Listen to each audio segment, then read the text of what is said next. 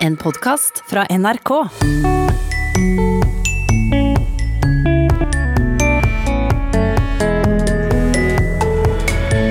TV-programleder Camilla Bottilsrud Sagen fikk kritikk for dialektbruk. Hun svarte med et dialektlynkurs.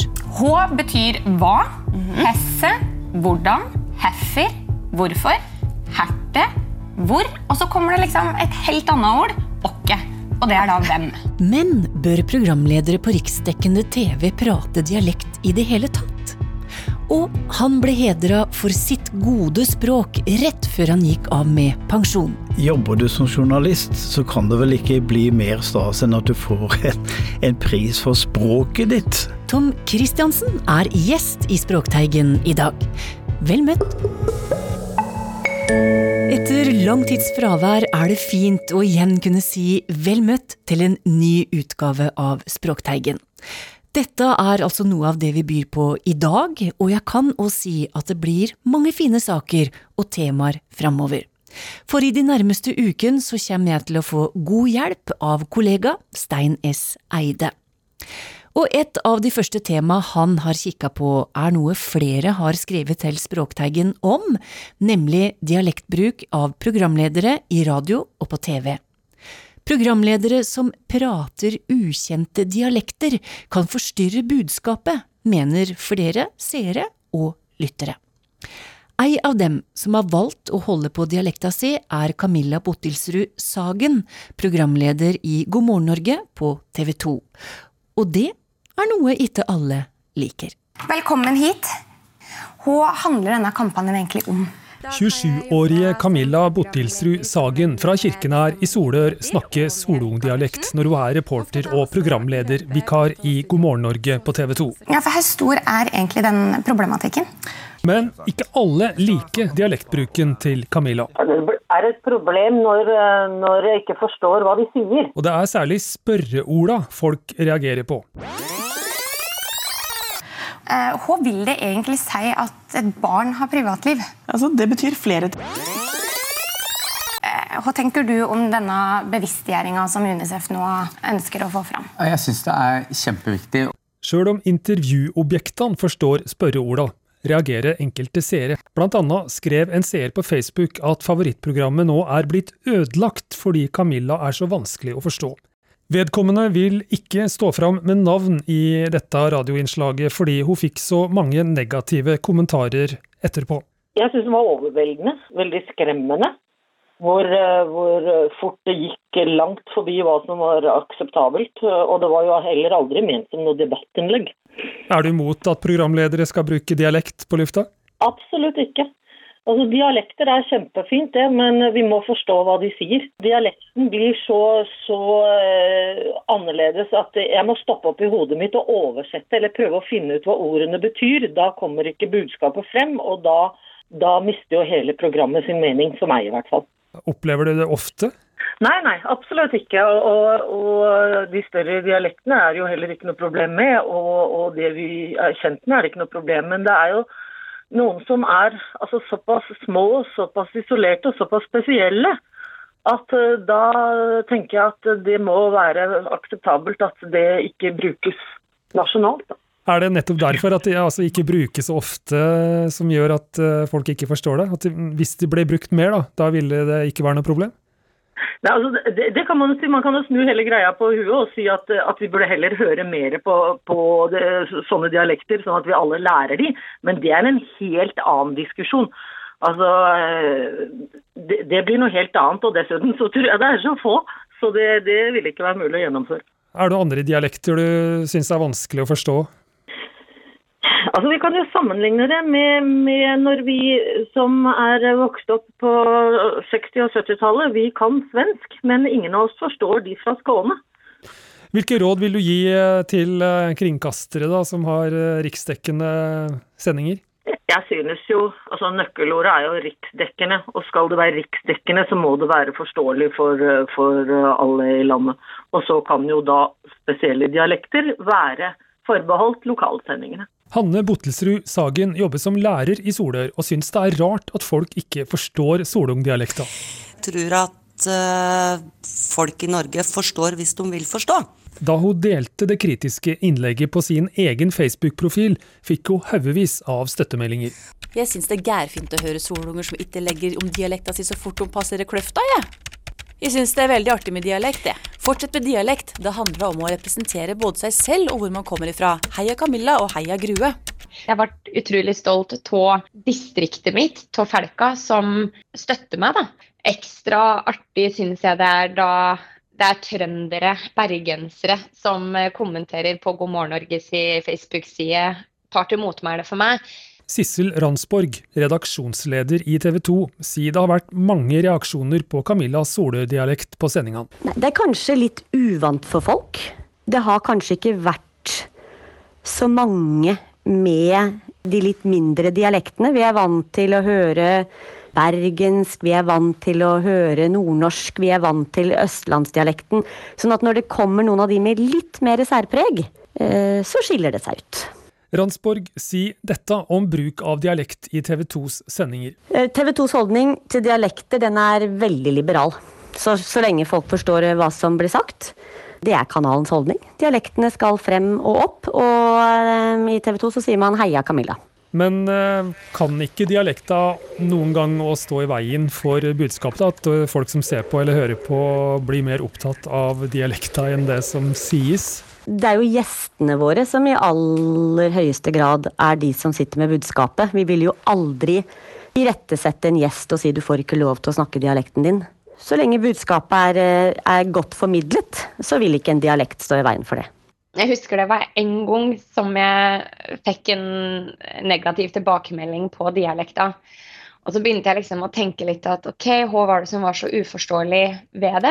Intervjuobjektene mine var jo to unger på ni år som var fra Røa i Oslo. Og da skjønte jeg at da de skjønner hva jeg sier, da tror jeg kanskje det er litt mer eh, på vilja til folk, vilja til å forstå dialekta mi, eh, enn at de egentlig ikke skjønner det. Så da tenkte jeg at eh, vet du hva, jeg bare gliser av dette. For jeg tror ikke helt på at de ikke skjønner hva jeg sier. Hanne og Camilla Bottilsrud Sagen mener det er noen dialekter som har høyere status enn andre her i landet.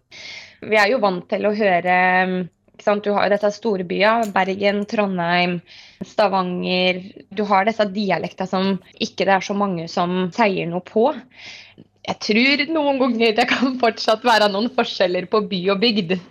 Da jula nærmer seg, hva er det Atle Antonsen sier, da jula nærmer seg, så kommer hedmarksdialekta inn i reklamefilmer, for den er så jovial og, og, fin, og du får litt sånn julestemning og ja.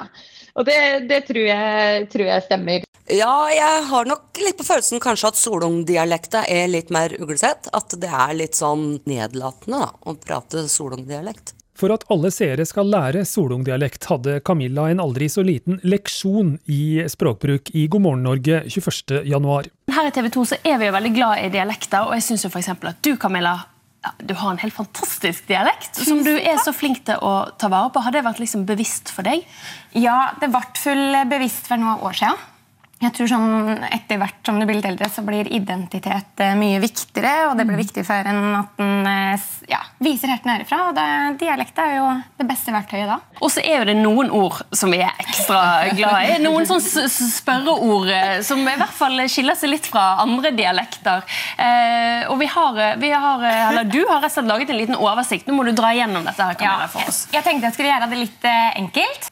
H betyr hva. Mhm. Hesse hvordan, heffer, hvorfor, herte, hvor. Og så kommer det liksom et helt annet ord åkke. Og det er da hvem. Ja. Ja. Så nå ligger den plakaten der. Frem med mobilen, ta et bilde, eh, så er man hjulpen. Men, da, om de har noen spørsmål, da, så er det bare å se på den plakaten. Så tenker jeg de fleste skjønner HS-eier. Det ja. gjør de i utgangspunktet. Ja, da, I kontekst så forstår man jo eh, alt, Camilla. Og vi heier på dialekten din, og vi er veldig glad for at du har den. I like måte det å gi et lite lynkurs, da. Det kan være både underholdende, og så kan det jo være med å øke fokuset og mangfoldet nettopp når det gjelder dialekter, så vi hører litt flere enn de vi normalt hører i eh, de store mediehusene. I NRK oppfordres det også til dialektbruk, men i nyhetssendinger og programinformasjon må vi snakke normert, og det er viktig at den som bruker dialekt er tydelig og konsekvent. Den nye språksjefen i NRK, Caroline Riise Christiansen fra Volda, tenker dette om at programledere bruker dialekt i sendinger. NRK har et ansvar for å speile hele landet. Der kommer jo virkelig dialektene inn. Eh, og jeg tenker jo slik at det er en helt naturlig del av, eh, av NRK. Eh, så det ser jeg fram til å, å jobbe med. Jeg oppfordrer Camilla til å bruke dialekten når God morgen Norge skal være et program for hele landet. Og da tenker jeg det er helt naturlig også at eh, programlederne viser det, mangfoldet, gjennom dialekter og dialektbruk. Så vi er veldig opptatt av at våre profiler skal få lov til å bruke dialekten sin. Sier redaksjonsleder i God morgen Norge, Sissel Ransborg. Og Camilla Botelsrud Sagen har ikke tenkt å slutte å preke solung på riksdekkende TV. Ja, jeg får lyst til å bli enda breiere enn det jeg er. Men eh, jeg skal ikke begynne med at jeg skal gærkute på hønklaka pleksle. Det tror jeg skal holde meg for god for. Jeg syns det skaper en særegenhet ja, ved personligheten og programma som blir brukt. At det viser liksom et mangfold i Norge, tenker jeg. Vi har mange ulike dialekter, og det er viktig å ja, vise fram de, da. Vær stolt av dialekta deres og bruk den. Må få litt fokus på det, så ikke dialekta forsvinner, for det er utrolig viktig for landet vårt. Det sa Camilla Bottilsrud Sagen, som altså er programleder i God morgen Norge på TV 2. Til slutt der så fikk hun òg støtte i dialektbruken sin av mor Hanne Bottilsrud Sagen. Og reporter var altså Stein S. Eide. Forrige uke slutta en kjent stemme i NRK. En stemme som har formidla nyheter og andre historier med et helt særegent språk, og som ble hedra med kringkastingssjefens språkpris. Kringkastingssjefens språkpris går til en medarbeider som har ordet i sin makt, både muntlig og skriftlig, og på gamle og nye plattformer. Prisen tildeles ikke for lang og tro tjeneste men for et tydelig og sobert normert bokmål og en særegen sans for rytme og komposisjon. Den så jeg ikke komme. Tom Christiansen fikk altså Kringkastingssjefens språkpris for 2019. Og den ble overrakt av fungerende kringkastingssjef Vibeke Fyrst Haugen. Men Tom, så du virkelig til den komme? Nei, jeg gjorde ikke det. Jeg tenkte at dette skulle gå til noen som røkter språket innad i NRK. Og så fikk jeg den prisen, og det er jo noe av det staseligste jeg har vært med på. Fordi eh, jobber du som journalist, så kan det vel ikke bli mer stas enn at du får en, en pris for språket ditt. Og jeg har jo jobba mye med språket i alle år og mer og mer eh, opptatt av hvordan ting skal uttrykkes, og få belønning for det, det syns jeg var veldig stas. De siste uken har jo du nærmest vært Språkteigens vikar, du, med Toms Afrikahistorier. Og du har vært NRKs korrespondent i Afrika. Du har jobba i NRK i mange år. Forrige uke ble du altså pensjonist. Når du nå sier at det var stas å få en språkpris som journalist. Hvorfor er et godt språk så viktig for en journalist?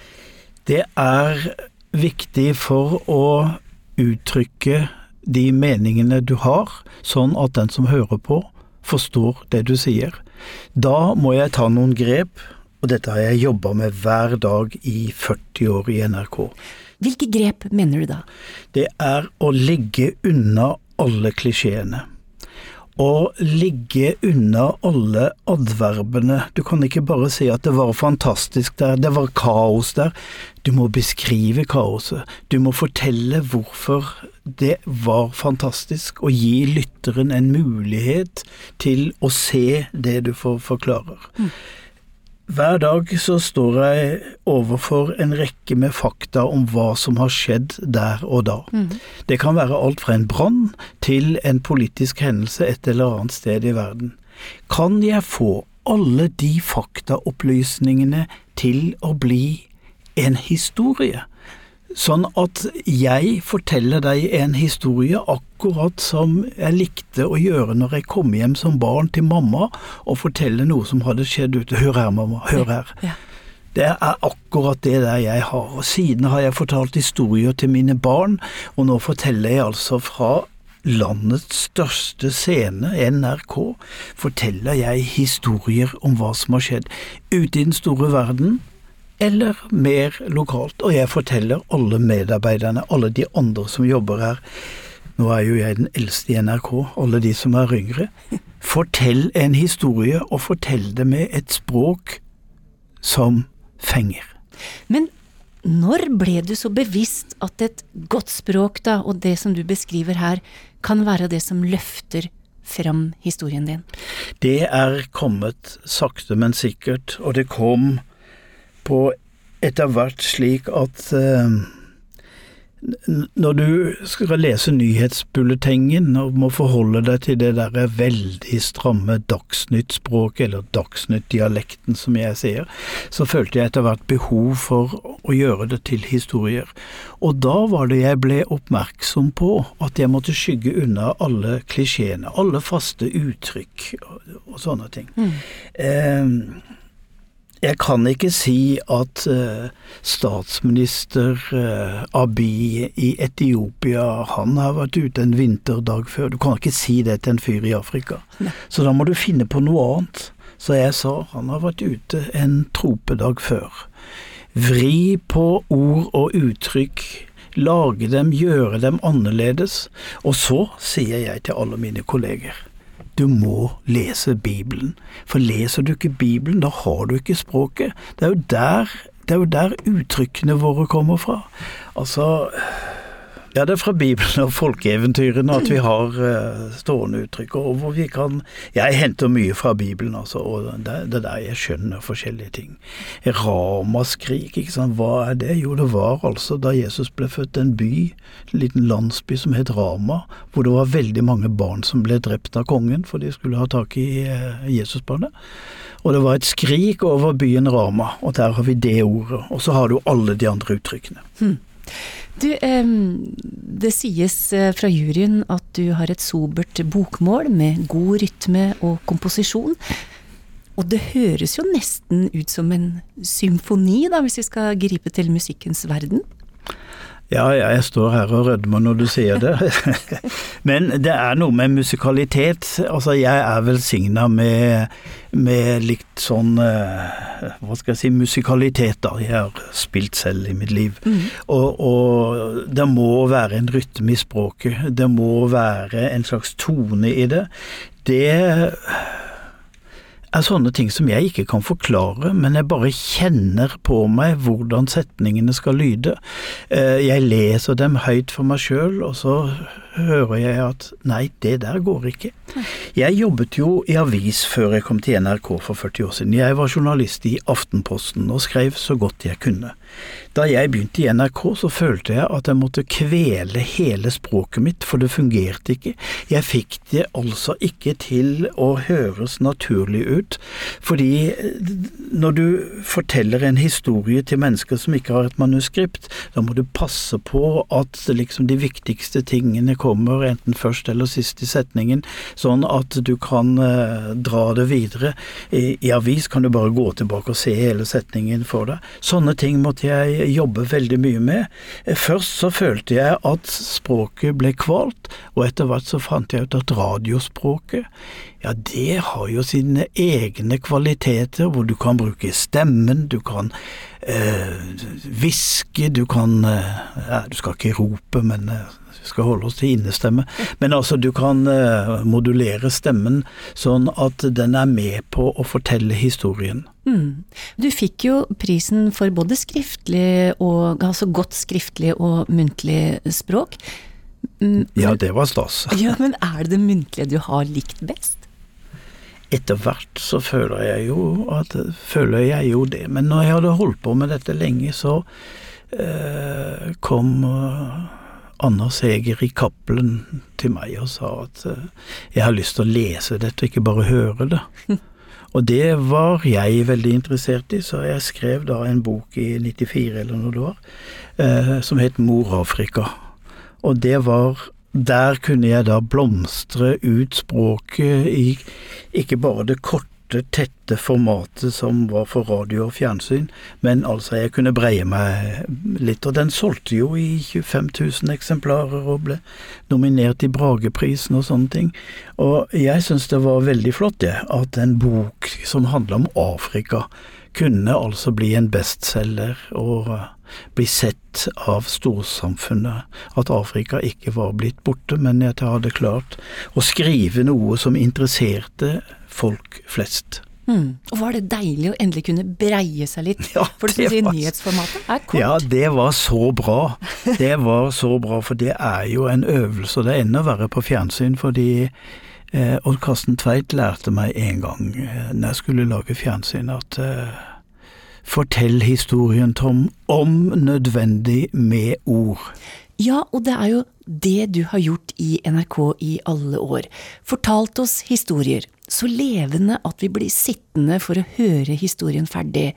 Og sjøl i en hurtig medieverden så ser det ikke ut til at den muntlige fortellinga dør.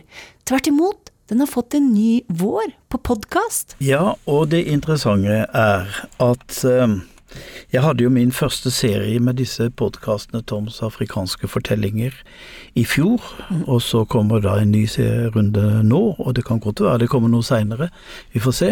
Men det interessante det er at én mann, meg, sitter i en halv time og forteller. Jeg har noen lyder, men jeg har ingen andre jeg snakker med. Det er bare meg som snakker i en halv time. Er det mulig at det går an? Se på statistikken. 200 000 mennesker har altså hørt på dette uke etter uke. Og det forteller meg at historien, den bærer der andre kan være kjappe og kvikke.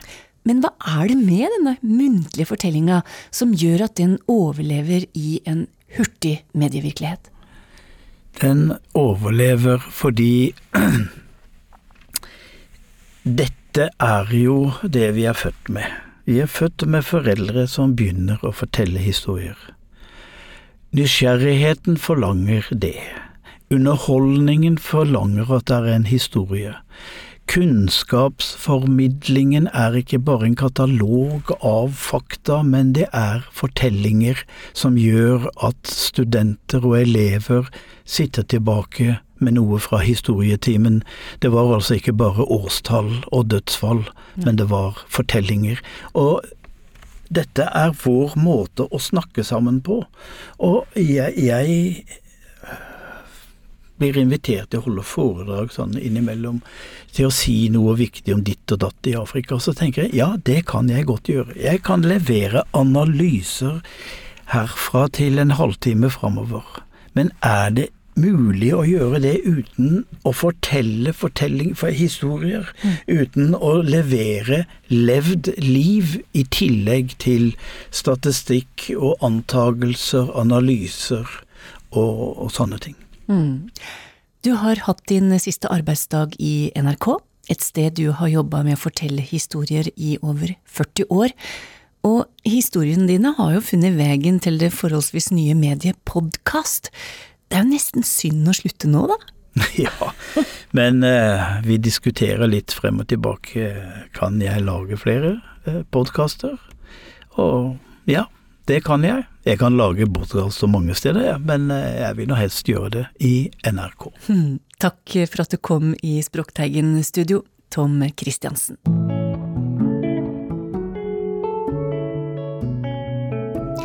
Kollega Stein S. Eide har ikke bare undra seg over dialektbruk på TV.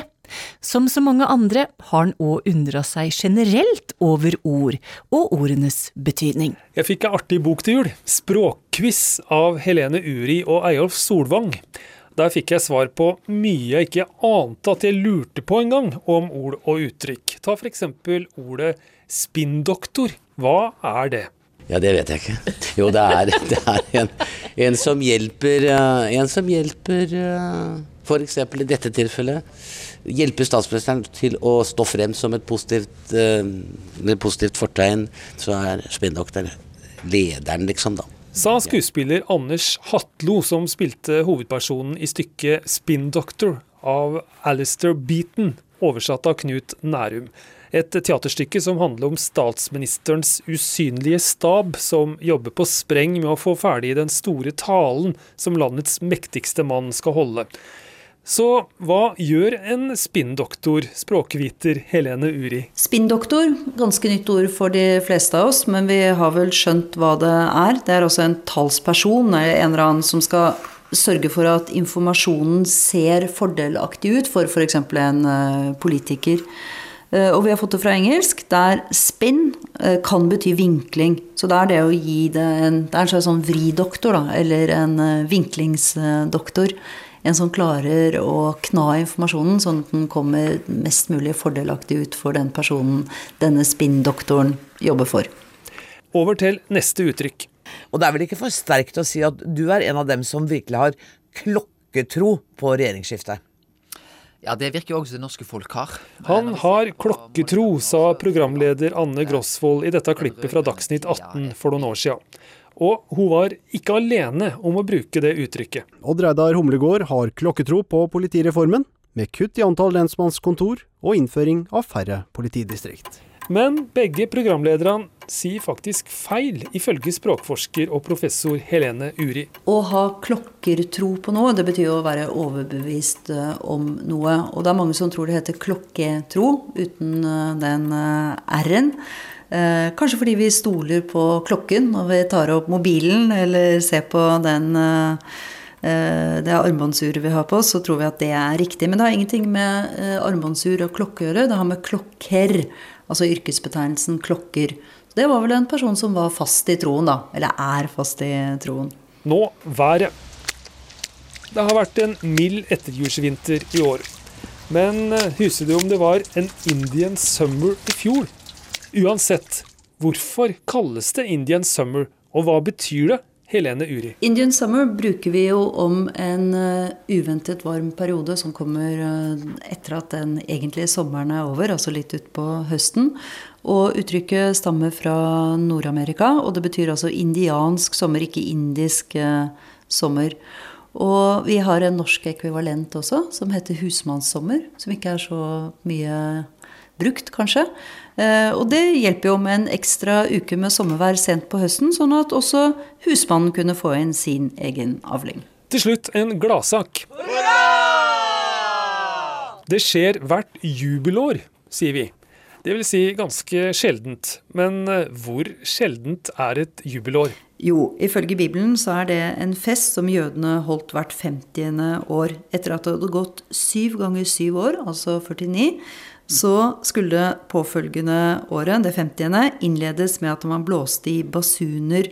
Og det hebraiske ordet jobel kan bety nettopp basun. Derav altså ordet et jubelår. Yes, det var ganske lenge mellom hver fest. Ja, det var lenge mellom hver fest. Det sa til slutt språkviter, forfatter og språkspaltist Helene Uri.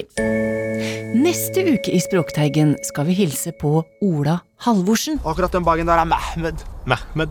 Well, jeg vet ikke hvorfor Mehmed har pakka bagen min.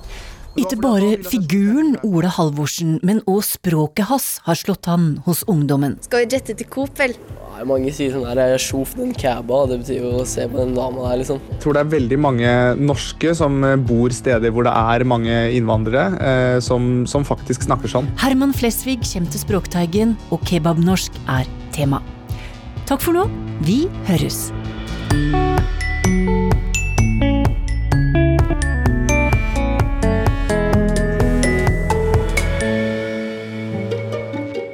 Hei! Jeg heter Grete Strøm, og jeg har laga podkastserien Boksringenes herre. Den handler om den lille hanken som han åpna brusbokser med. Blant annet. Den handler om ganske mye mer også, faktisk. Det her høres kanskje litt rart ut, men Boksringenes herre vant Pri Europa for beste podkastserie i 2019. Hør den i appen NRK Radio.